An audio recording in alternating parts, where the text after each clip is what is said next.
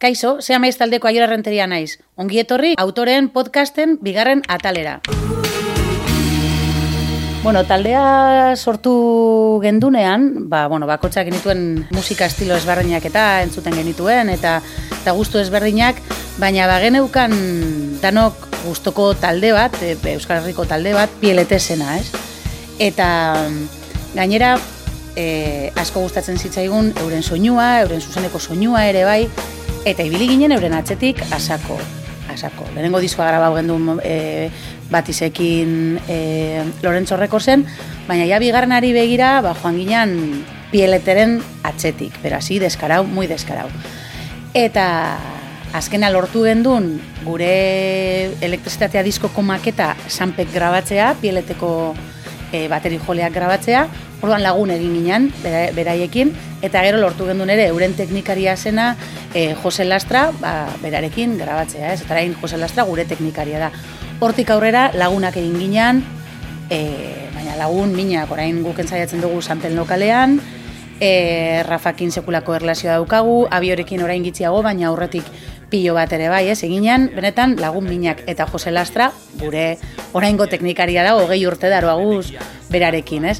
Orduan, guretzako pielete oso talde garrantzitsua izan da,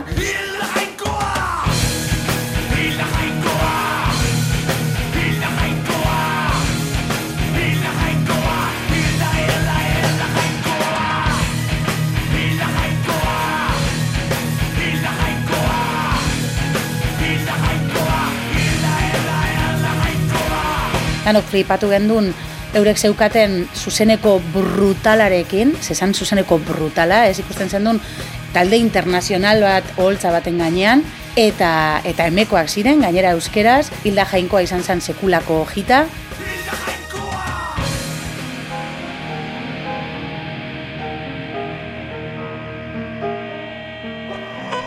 Baina niretzako oso oso garrantzitsua izan zen denbora diskoa eta denbora abestian, ba, zea maizen garai hasiera hoietan.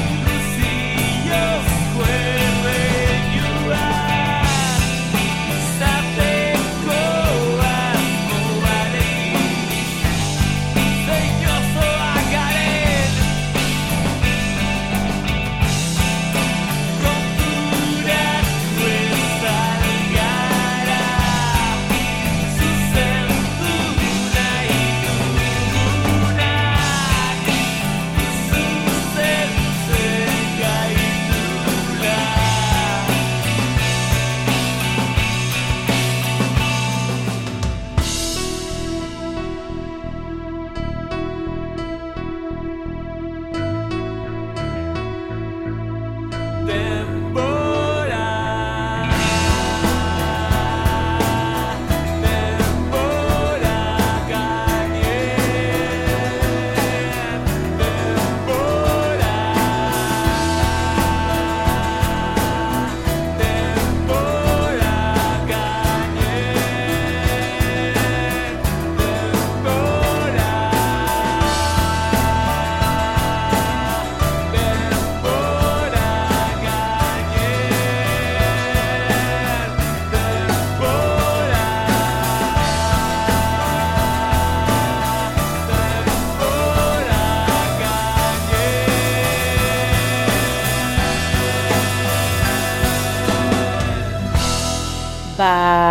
Nik uste urte berean, e, garren urte inguruan edo, egon ginen justo elektrizitatea diskoaren promoa egiten, dutek ere promoa egiten zuen, eta kontziditu gendun galderrekin, garai horretan galderrek programa bat zeukan gaztea irratian, eta, eta talde bat jarri zuen motorzaiko ditzen zana, eta, eta gainera bortek surfera bestia jarri zuen. Osea, guretzako izan zen, increíble, increíble, increíble hori abestia entzutea. Eta hori taldea ezagutzea. Jo, motorzaiko talde norbegiarra da, e, nik uste urte horretan ere, eurekin Bilbon jotzeko aukera geneukala, eta kontzertua egun, egun horretan bertan, bertan bera gelditu zen. Eurek hemen egon ziren, eta esan gendu, bueno, guazen alakaza elgiri, urten ginen bilbotik, jimera joan ginen, eta antopatu genituen motorsaikoko taldekideak, eurekin egon hitz egiten, kontatzen, bagu ginela eurekin joan behar gendun taldea, asko, asko gustatzen zitzaigula, eta hori dana. Bueno, pasatu ziren urteak, ez ziren berriro bueltatu, e, azkenean pititabeok gara joan ginen oslora eurek ikustera, ikusi genituen, baina justo esan disko berezi bat jazz roioarekin, ez zeukan zer ikuserik egiten zutenarekin, baina gero ja, hemen egon dira, bai azkena, bilboko azkenan, eta baita e, gaztizko geldoradon. Eta berretan ikusi ditugu, eurekin egon gara, diskoak bana, osea emon, eta bueno, eta sinadurak eskatu. Nik lehenengo aldi sentitu nuen, e, argazki ataratzen genuen bitartean, nik asko da, bueno, berarekin argazkia justo baju jolearekin bere ondoan nengoen, jo, hasi nintzen dardarka. Azkenean dira talde bat estilo ezberdina jorratzen dituzte, osea, egiten duten nahi dutena, no se kortan un pelo, daukate zuzeneko bat akojonantea. E, pasadan urtean egon ziren, bai, irailean, donostiko dabadaban. Eta izan zen, inkreiblea, bai. Noruegan bertan, atarazen urtean, euki zuen hainbeste arrakasta, hango irrati baten jarri zutela hogeta lau orduz. Han motorzaiko oso famatua da. Eta hogeta lau orduz izan zuten jarrita besti hau. Niretzako e, galdarrek ipini zuen abesti hori Vortex Surfer da esagerazio bat.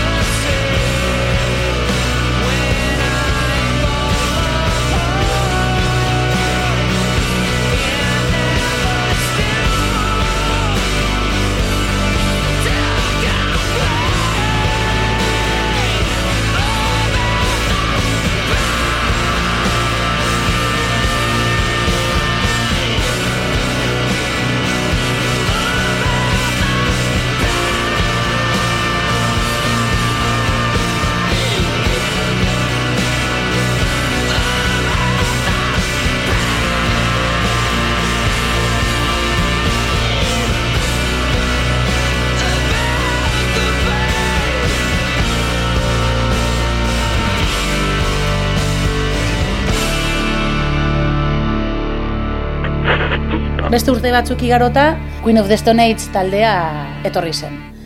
Eta guretzako izan zen sekulako buelta, ez? Garai hoietan emoten zuen e, roka nahiko baju zegoela, eta Jos Home etorri zen bere gitarrakin, eta eta buelta emon zion guztiari, izan zen pasada bat.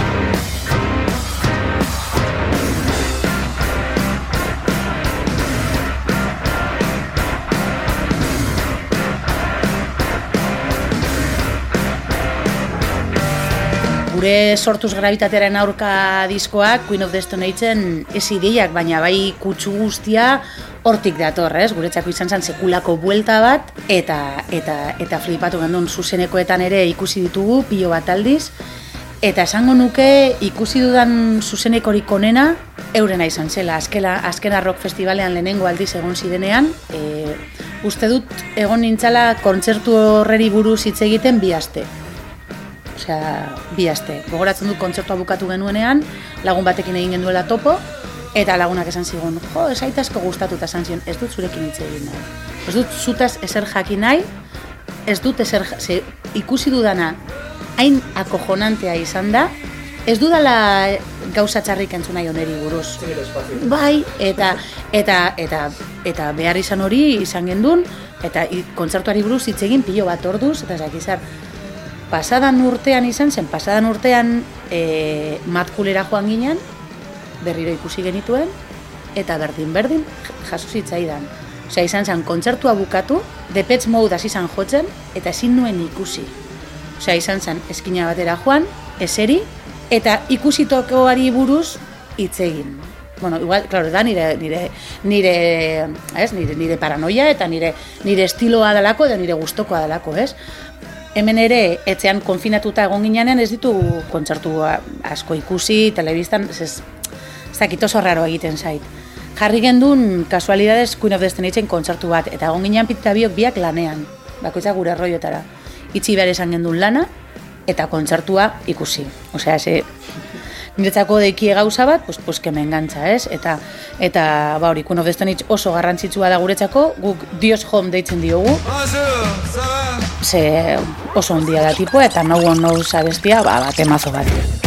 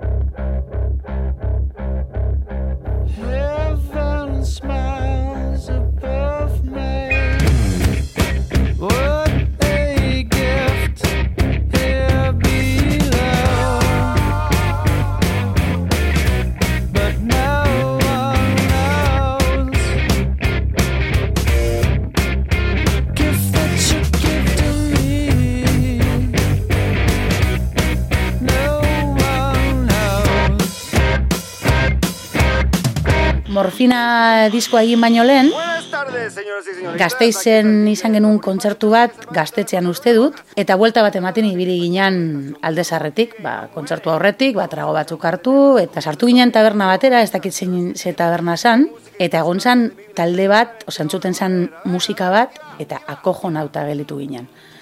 Zan e, soluak taldea, eta itokin abestia zen, eta benetan jo, bilatzen genuena zen sekulako grabeak, sekulako indarrarekin eta eta eta oso potenteak, ez? Ba, ba egia esan soluak ezagutu genuenetik, ba etorri ziran ondarroa edo edota kukutza bezalako abestiak, ez? Estilo horretan grabe grabe potenteekin eta eta rokarekin, baina beste dantzagarritasun puntu batekin, ez?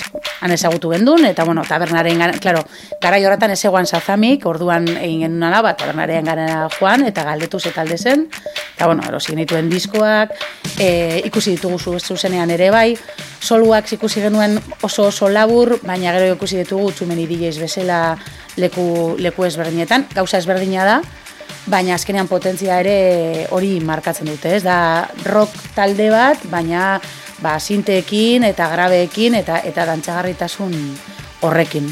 Eta hori, ba, hori ja morfina diskorantz, ba, ba, aldaketa hori ekarri zigun ba, soluak taldeak.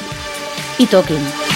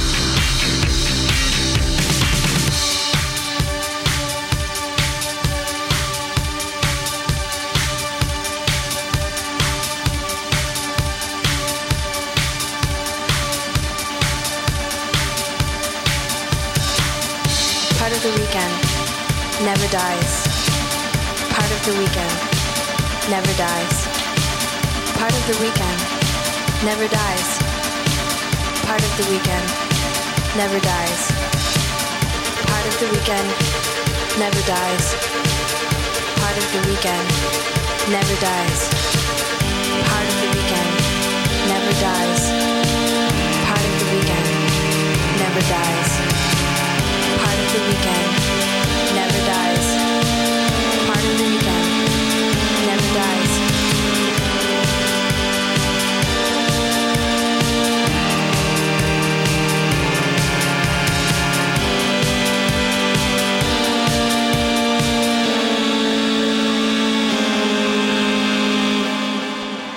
Urteak aurrera joan ziren eta ja sortu zen Bilboko BBK Live festivala. Guretzako, bueno, jende asko orientzako, ba ez du festival horietara joan nahi, guretzako oso garrantzitsua da, azkenean musikaria gara, musika ikustera goaz, eta etxe ondoan badaukagu, pues mejor que mejor. Izan zen arratsaldez, guzti dut arratsaldeko seiretan edo, kontzertu bat hasi zen, ez genituen ezagutzen, sekulako eguzkia zegoen, eta tratzi ziren bi tipa, eta gero beste bi atzekaletik, beltzez jantzita, baina dana tapauta, bueno, bueno, oso, eta leiditron ziren.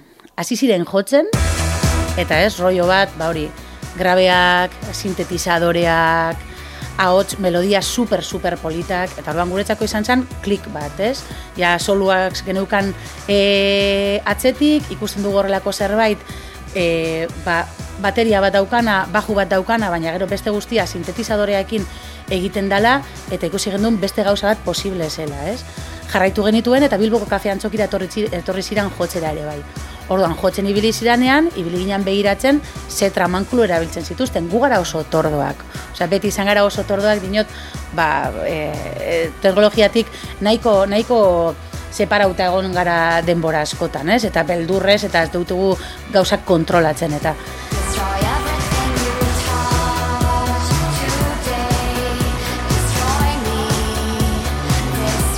Eta orduan justu eurak etorri ziranean Bilboko kafean txokira egin genuen esan, ba, aurrerantza joan eta begiratu ze ekipo zeukaten lastrari galdetu guk gure neurrira zereukian geldun, ez dozu erosiko, de repente talde batek duen, bu, ekipo guztia, ez daukagu dirurik eta ez daukagu beharrik bez, ez baduzu kontrolatzen txorra da bada. Eta orduan egin genuena zan, ba hori, gure erara moldatu eta eta sintetizadore batzuk erosi, ba erabiltzeko gure musikan ere ikusi genduelako beti ibili gara oso obsesionatuta grabeekin eta eta Ladytronek emoten zuen emoten zituen grabe hoiek bai bai bateria naturalarekin eta baita ere sintetizadoriekin eta orduan oso oso melodia suabeak dituen e, taldea da eta adibidez Destroy Everything You Touch hori da temazo bat eta gustatuko zaizue fijo. Everything you touch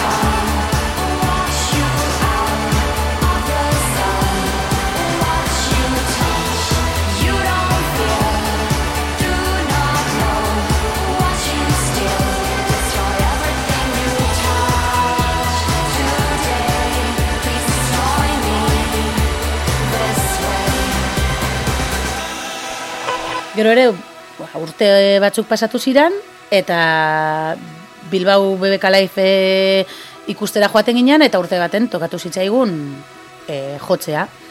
Eta jotzera joan ginen egun horretan, Radioheaden egun berean jotzen gendun, eta esenatoki berdinean. Gu zeiretan, eurek, euren ordutegian, ez?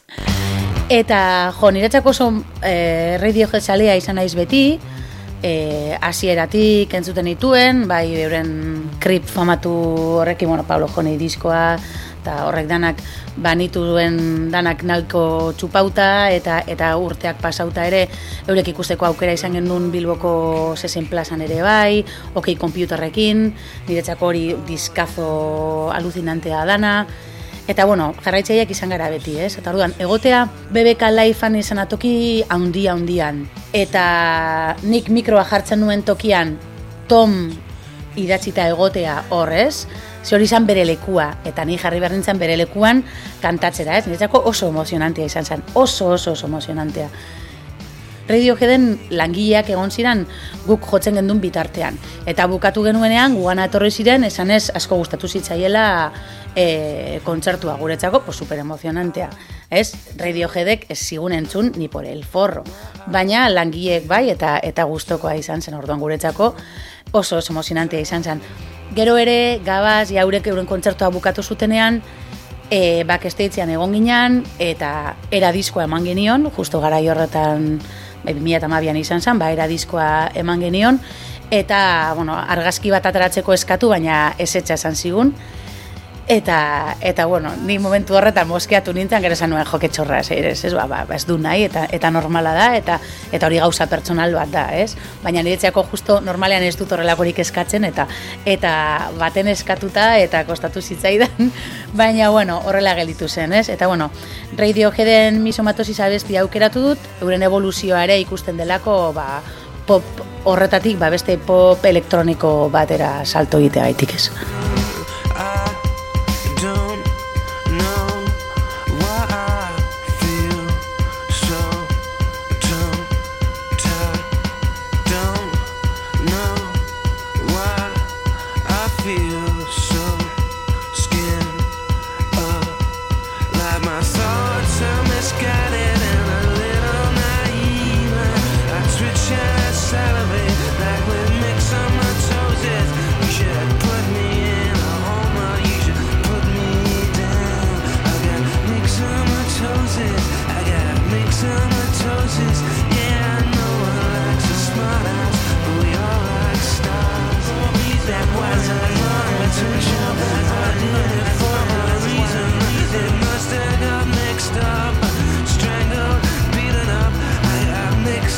roses. I got mix on my toes.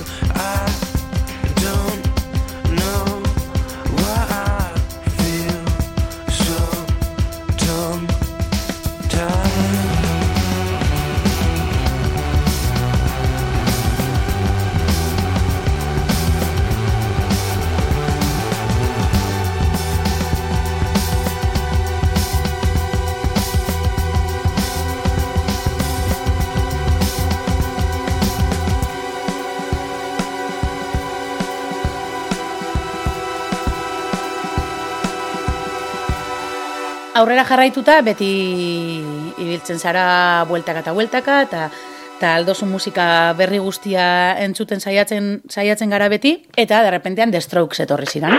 Tipo super gazte batzuk, gauza mega simpleak egiten zituztenak, baina buruari buelta bat emoten ziotenak, ez? Eta hori guretzako ba hori e, artea egiteko modu bat da, ez? E, simpletasun horretatik e, lortzen dutena The Strokes e, taldekoak, ez?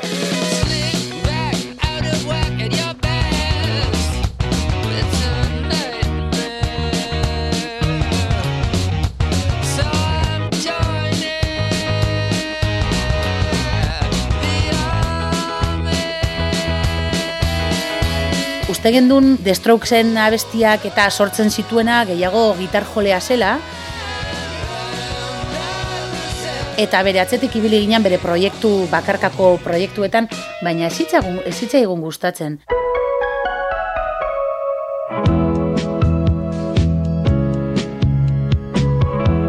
Eta orain deboiz agertu danean, kontu garatu gara, gure gustokoa dena abeslaria dela. Ah!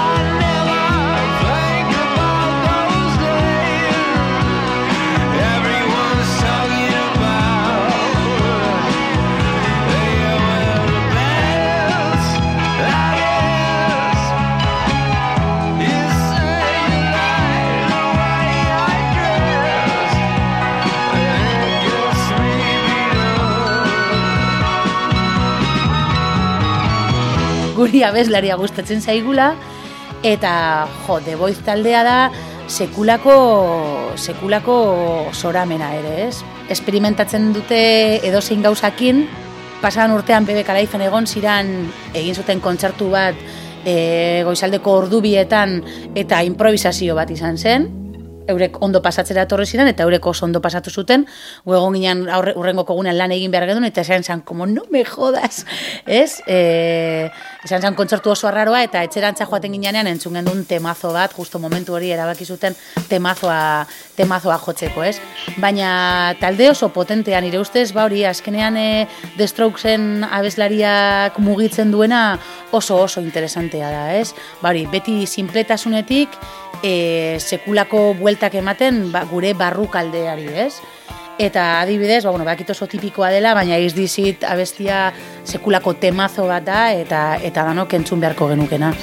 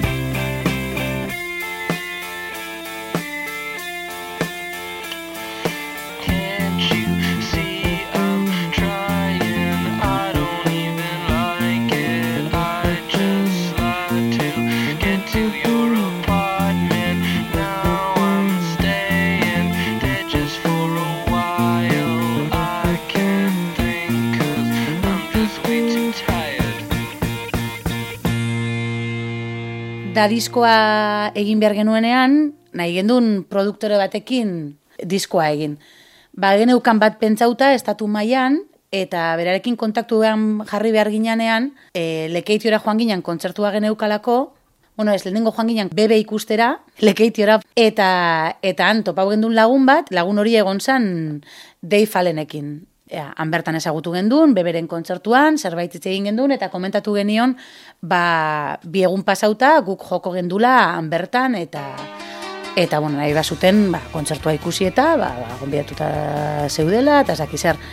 Eta esan zigun justo gure lagun, bau da, produktore superpotente, eta ba, ba, ba, fijo, fijo, esan dion, sinistu ezer. Eta, bale, bale, venga, ba, joan ginen, eta etxera bueltatzerakoan, bartu gendun ordenagailua, begiratu gendun, eta ostia, ostia, ostia, hau tipua da, dekiurren disko piloa, bueno, ekoiztu dituen e ekoizlea da, osea, benetazkoa da, eta, klaro, gu ekoizle baten atzetik.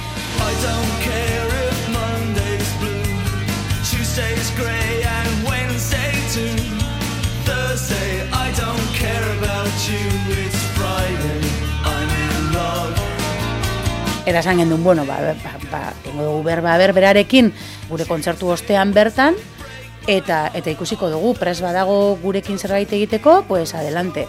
Ba, Juan Ginaleketera super tenso, super tenso, esan gendun behar dugu gure bizitzako kontzertua, mesedes, guazen, bueno. Egin gendun kontzertu bat, ba, ba, pilo bat energiakin. Ze, klaro, gure burua zegoen, ba, Dave enkandilatu nahi gendun, ez? Eta, bueno, gaba horretan ja, berarekin eta gure lagunekin, buelta batzuk eman da, ez daki zer, ba, bueno, luzan momentua, eta esan genuen, bueno, zu preste egongo zinateke gure moduko talde batekin lan egiteko, ez? Eta eta tipuak esan zigun, ba, ba, ba igual bai, ba, guazen begiratzera, ez? Eta ginen ja, berarekin serio hitz egiten, eta hori dena. Claro, eta konturatu ginen, jo, honek egin ditu deki horreko diskoak, baina horrek aspaldiko lanak dira, ez? Eta oso ondo daude, baina zer gehiago egin du, ez? Edo ze, ze, ze gauza berri gehiago egin du, ez? Eta hasi ginen bilatzen, eta aurkitu gendun urte horretan egin zuen lan bat, eta zara Reptil Youth e, taldeko lehenengoko diskoa.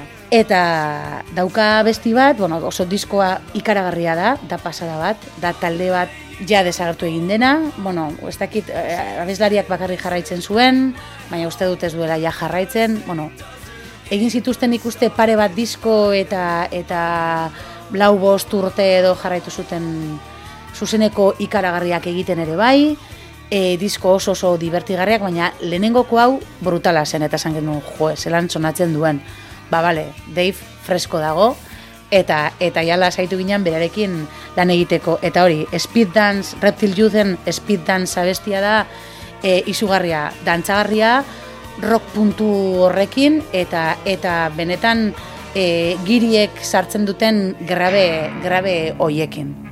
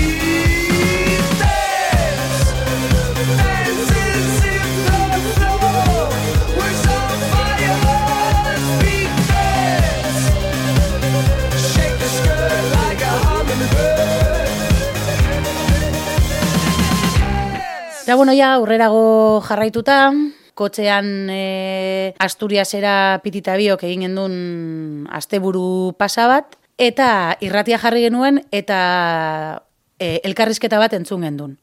Osan, tipo bat, ez nik ezagutzen ez nuena, baina gauza superinteresanteak esaten zituen, eta gustatu zitzaidan pilo bat. Eta bukatu zuenean, e, entre, elkarrizketa bukatu zutenean, jarri zuten euren abesti berria, euren single barria, eta ez dakizer. zer. Eta bueno, Santi Balmesen, Lobo Lesbian e, taldea, benetan oso taldea arrakastatua zen, baina nik ez nuen ezagutzen. Osa, ez nituen ezagutzen, ez, ez jatan, ez itzaidan heldu momentu horretara arte, ez? Eta onidia eta insomnia abestia jarri zuten momentu horretan, irratian, eta esan nion pitire, ostia. Osa, pilo bat emozionau nintzen, esagerau, esagerau, eta esan nuen jo, bueltatzen garenean etxera, hartu behar dut disko hau.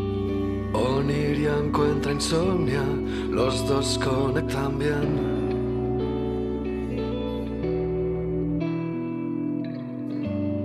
Quizás en otra vida fueron un mismo ser. Atrévete a acompañarme.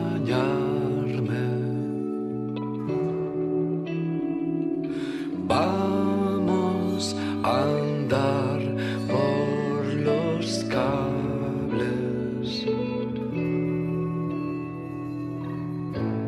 Y en el bar la bohemia fue la primera y tercera vez. De neón sus arterias ven. Llevan tiempo esperándose.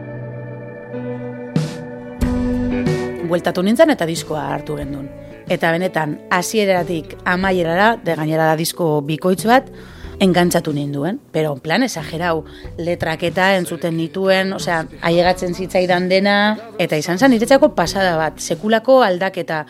Benetan, abesti askorekin negar asko egiten nuen, eta barruan neukan gauza pilo atara nituen, eta ataratzen ditut oraindik talde honekin, ez? Gogoratzen dut lehenengo aldi zuzenekoan hitz ikusi nituenean, fiberren izan zen, eta hasi zuten kontzertua e, diskoaren lehenengoko abestiarekin. Han egon nintzen itxaroten, lehenengoko akordea entzun zanean, negar baten hasi nintzen, pero sin poder reparar. Será un reencuentro inesperado en noche azul. Sin poder parar. Osea, eta denbora guztian negar baten, eta abesti guztiak kantatzen, soro baten moduan, eta saltoka. Eta berdin zitzaida, norbaitek ikusten ba ninduen, edo ez, osea, negarre, saltoka, baina, eta irrifarre batekin, de oreja, oreja, osea, izan zen, benetan, niretzako, ba hori, e, ba, atzera buelta bat, ez? Lehen benetan disfrutatzen duenean ere e, musikarekin horrela, ez? Orain askotan, kontzertu askotan kortatu egiten naiz, ez? Nago kontzertua ikusten eta jo ikusten duzu norbait behiratzen zaituela, eta zakiza behitu hau, eta orduan kontrolatzen zabra pizka bat, ez?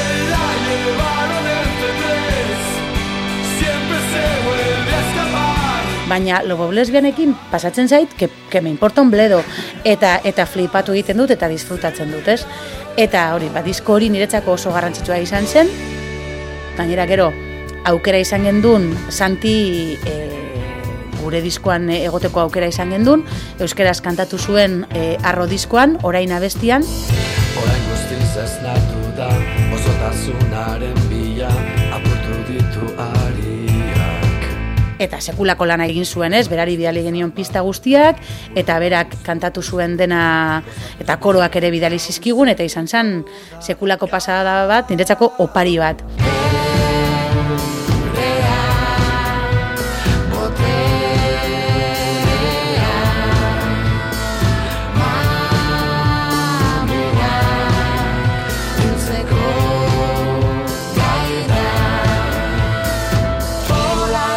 Eta orain dela urte eta piku edo, ba, ba, lehenengo aldiz ezagutu nuen, pertsonalki, eta benetan berriro ere, ba, ba, nerabe bat bezala, super emozionautai, como, ai, ai, rollo, rollo fan izan nuen, eta, bueno, eske badaukat beste, beste historia bat, bai, urte horretan, alnuen guztietan euren kontzertuetara joaten, nin- joaten nintzen. Eta orduan jotzen zuten Iruñan. Eta joan nintzen Iruñara, gaua pasatu gendun hor bertan, eta gero joan ginen donostira eurek ere ikustera. Asi, muy, a- muy a lo loco. Orduan, Iruñan, egon ginen hotel baten, eta bajatzen gara goizean gosaria hartzera, eta han zeuden. Hotel berdinean. Niretzako izan zen, bueno, sekulako ostia. Galitu nintzen paralizauta como una mongolita. Baina galitu nintzen super paralizauta hor geldi-geldi, te boltsa batekin horrela ezin, ezin nuen ezer egin, eta pititz hartu zen, oh, hombre, zue, jo, sekulako kontzertua txokoa, eta holan. Eta ni guztiz blokeatuta, esarri nintzen ezer izin gabe, osea, isil-isilik, eta eurek joan arte, ez nuen reakzionatu. Asko gustatzen zait Belize abestia, eta horregaitik aukeratu dut. No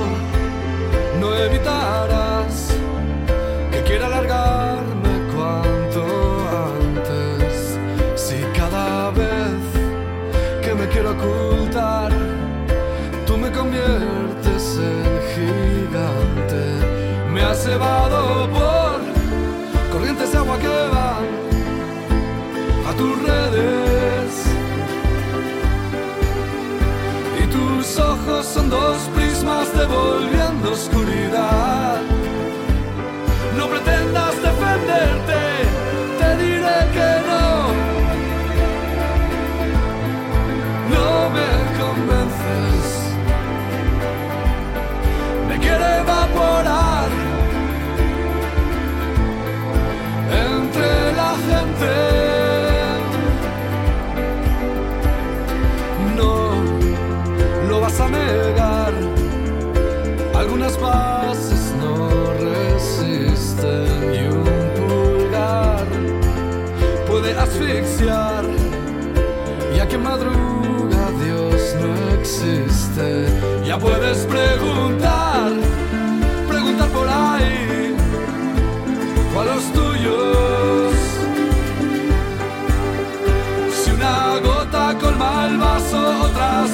Se hace el mar.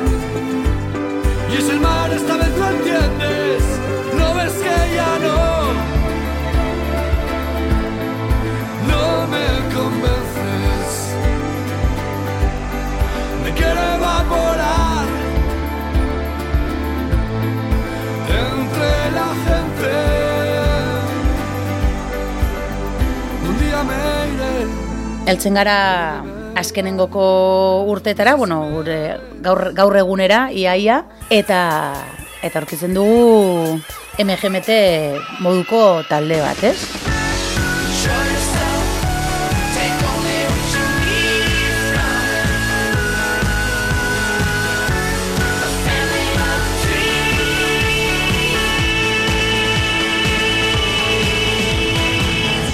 Gure azkenengoko diska honetan, atera diskoan, inurriak abestia da euren influentziarik handiena, ez?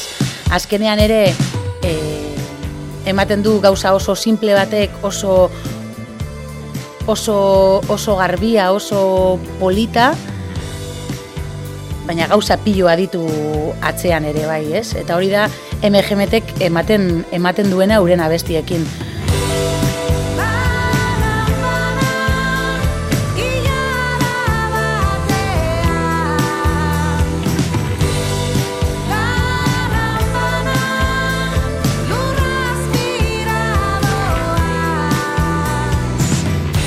E, zuzenekoetan ikusi ditugunean, izan dira beti magikoak. Ez? Ze da, ez dakit, da e, ondo sentiarazten zaitu ikusten duzuna. Lasaia da, ez da, ez ara, ez, ez ibili behar dantza soroan moduan, ez da, da perfektua bezala, ez? Lasaigarria eta eta hori, ba, e, sintetiziadore guztiekin, e, daukaten umorea ere, letra askorekin, ez? Eta hori dana, ba, ba guretzako oso oso garrantzitsua izan da eta eta hemen egon behar zen, ez? Uste dut dela ezagutu behar den talde bat eta bueno, aukeratu dut Little Dark Age abestia. Ba hori, ba sinpletasun batetik, ba, ba lortu aldirelako pilo bat gauza, ez? Ba, bueno, azkenean da rollo New Yorkeko rollo hori, ba, ba asko gustatzen zaigu azkenean, ba dituzu The Strokes, MGMT edo e, Interpol bezalako taldeak, ez? Azkenean daukate zerbait berezia, ez? E, gustatuko litzaiguke Nueva Yorkera joan eta ambiente hori hartu, momentu honetan ez, ez dut uste merezi duenik, baina baina bai baina bai uste dut hor beti kulturalki egon dela e, mugimendu oso polit bat, ez? Eta eta artea eta musika uste dut beti oso batera egon direla, ez? Eta eta horrelako taldeek adibidez MGMtek badir, osea, emoten du zaukat ideiarik ere, ez? Baina emoten du e, bai artearekin eta gauza bisualekin ere oso oso oso batera doa zela, ez? Rollo arti hori.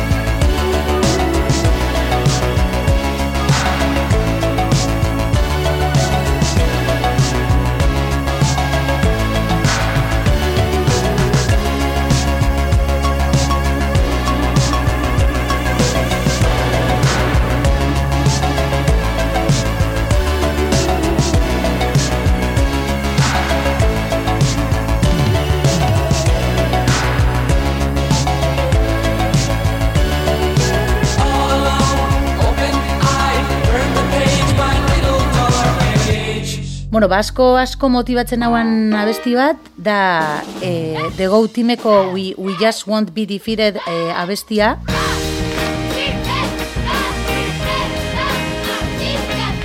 E, uste dut arro diskoaren biraren hasieran jartzen genuela, ba, motibatzeko esenatokira sartu baino lehen. E, hauek ere zuzenean ikusteko aukera izan dugu, ikusi dugun desast, desastrerik politena izan da. E, soinu aletik oso kaskarra eurek ere liada bat, baina eske dituzte abestiak hain potxoloak eta politak dira amaika mila esen atokian pasatzen dira bateriatik, gitarrara, gitarratik. Normalean hori ikusten duzunean oso onak dira aldatzen direnean bateria jotzera. Honek ez, ez dira ainonak beste instrumentuak jotzen, baina badaukate zerbait, ez? Eta da, ba hori, oso e, oso positiboa dena eta eta benetan rollo oso ona ematen didana, ez?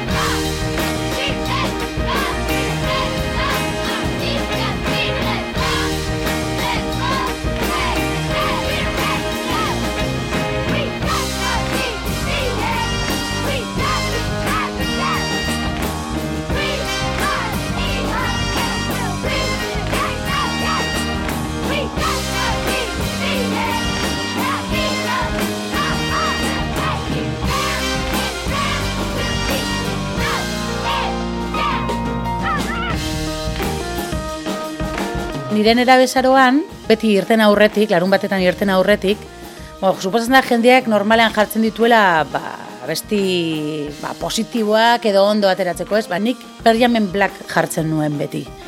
Eta orduan, Perjamen Black entzuten dudan bakoitzean, atzera eramaten hau. Transportatu egiten dit nire nera bezarora, ez?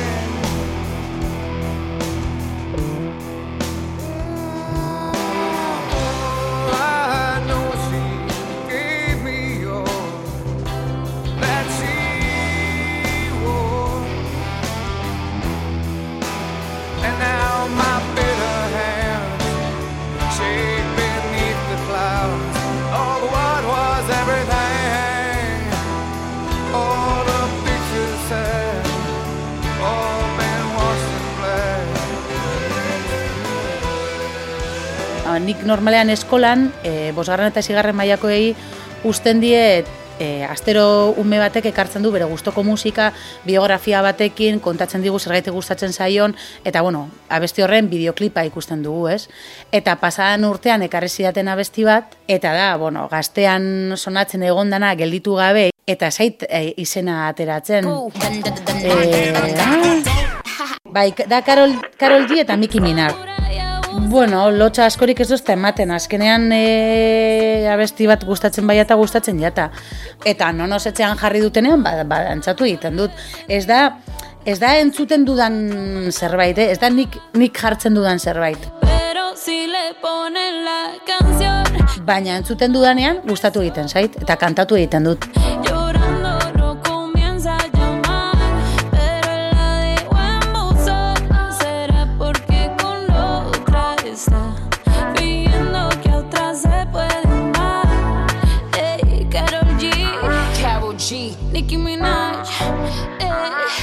Queen. We're the queen. Momentu honetan nola gaude, ba, lokalera joaten gara ensaiatzera, ez dakit momentu honetan ilegala, ilegala den edo legala den, baina lokalera goaz ensaiatzera, eta baditugu kontzertu batzuk, gitxi batzuk, Badago jende asko hasi dela e, disko berriak prestatzen, gauza berriak egiten, gu ez gaude horretan, bai gauza berri batzuk egin ditugu, baina baina lagun batzuk eskatutako bertsio bat, beste batzuk eskatuko beste bertsio bat, eta horretan ibili gara ez gaude material berria sortzen. Aukera izango dugu egiteko, baina nik behintzat ez dut nire burua nik ez dut nire burua ikusten gauzak egiteko bezala. Osea, nahiko galduta ikusten dut nire burua, oso agobiatuta, bai lanarekin, bai, bai familiakin, bai gauza guztiekin, eta orduan ez dut ikusten nire burua, ez berriro disko berri bat egiteko bezala edo abestiak egiteko. Igual, hasi beharko gara, ez? Baina, baina oraindik ez dut oso ondo horrela nire burua ikusten.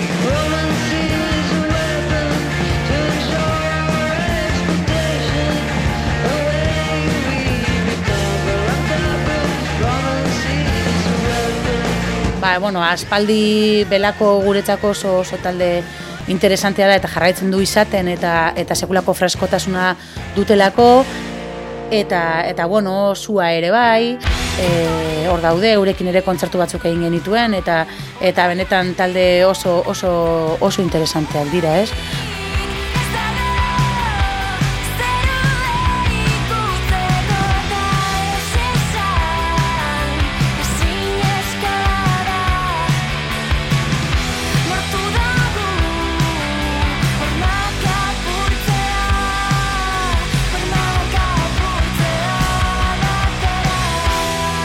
Baina badaude, orain dela gitxi e, adibidez, ba, kainakairekin egoteko aukera izan genuen, eta eta sekulako artista da, ez? Orduan uste dut, e, estilo ezberdinetan gauza oso interesante asko daudela,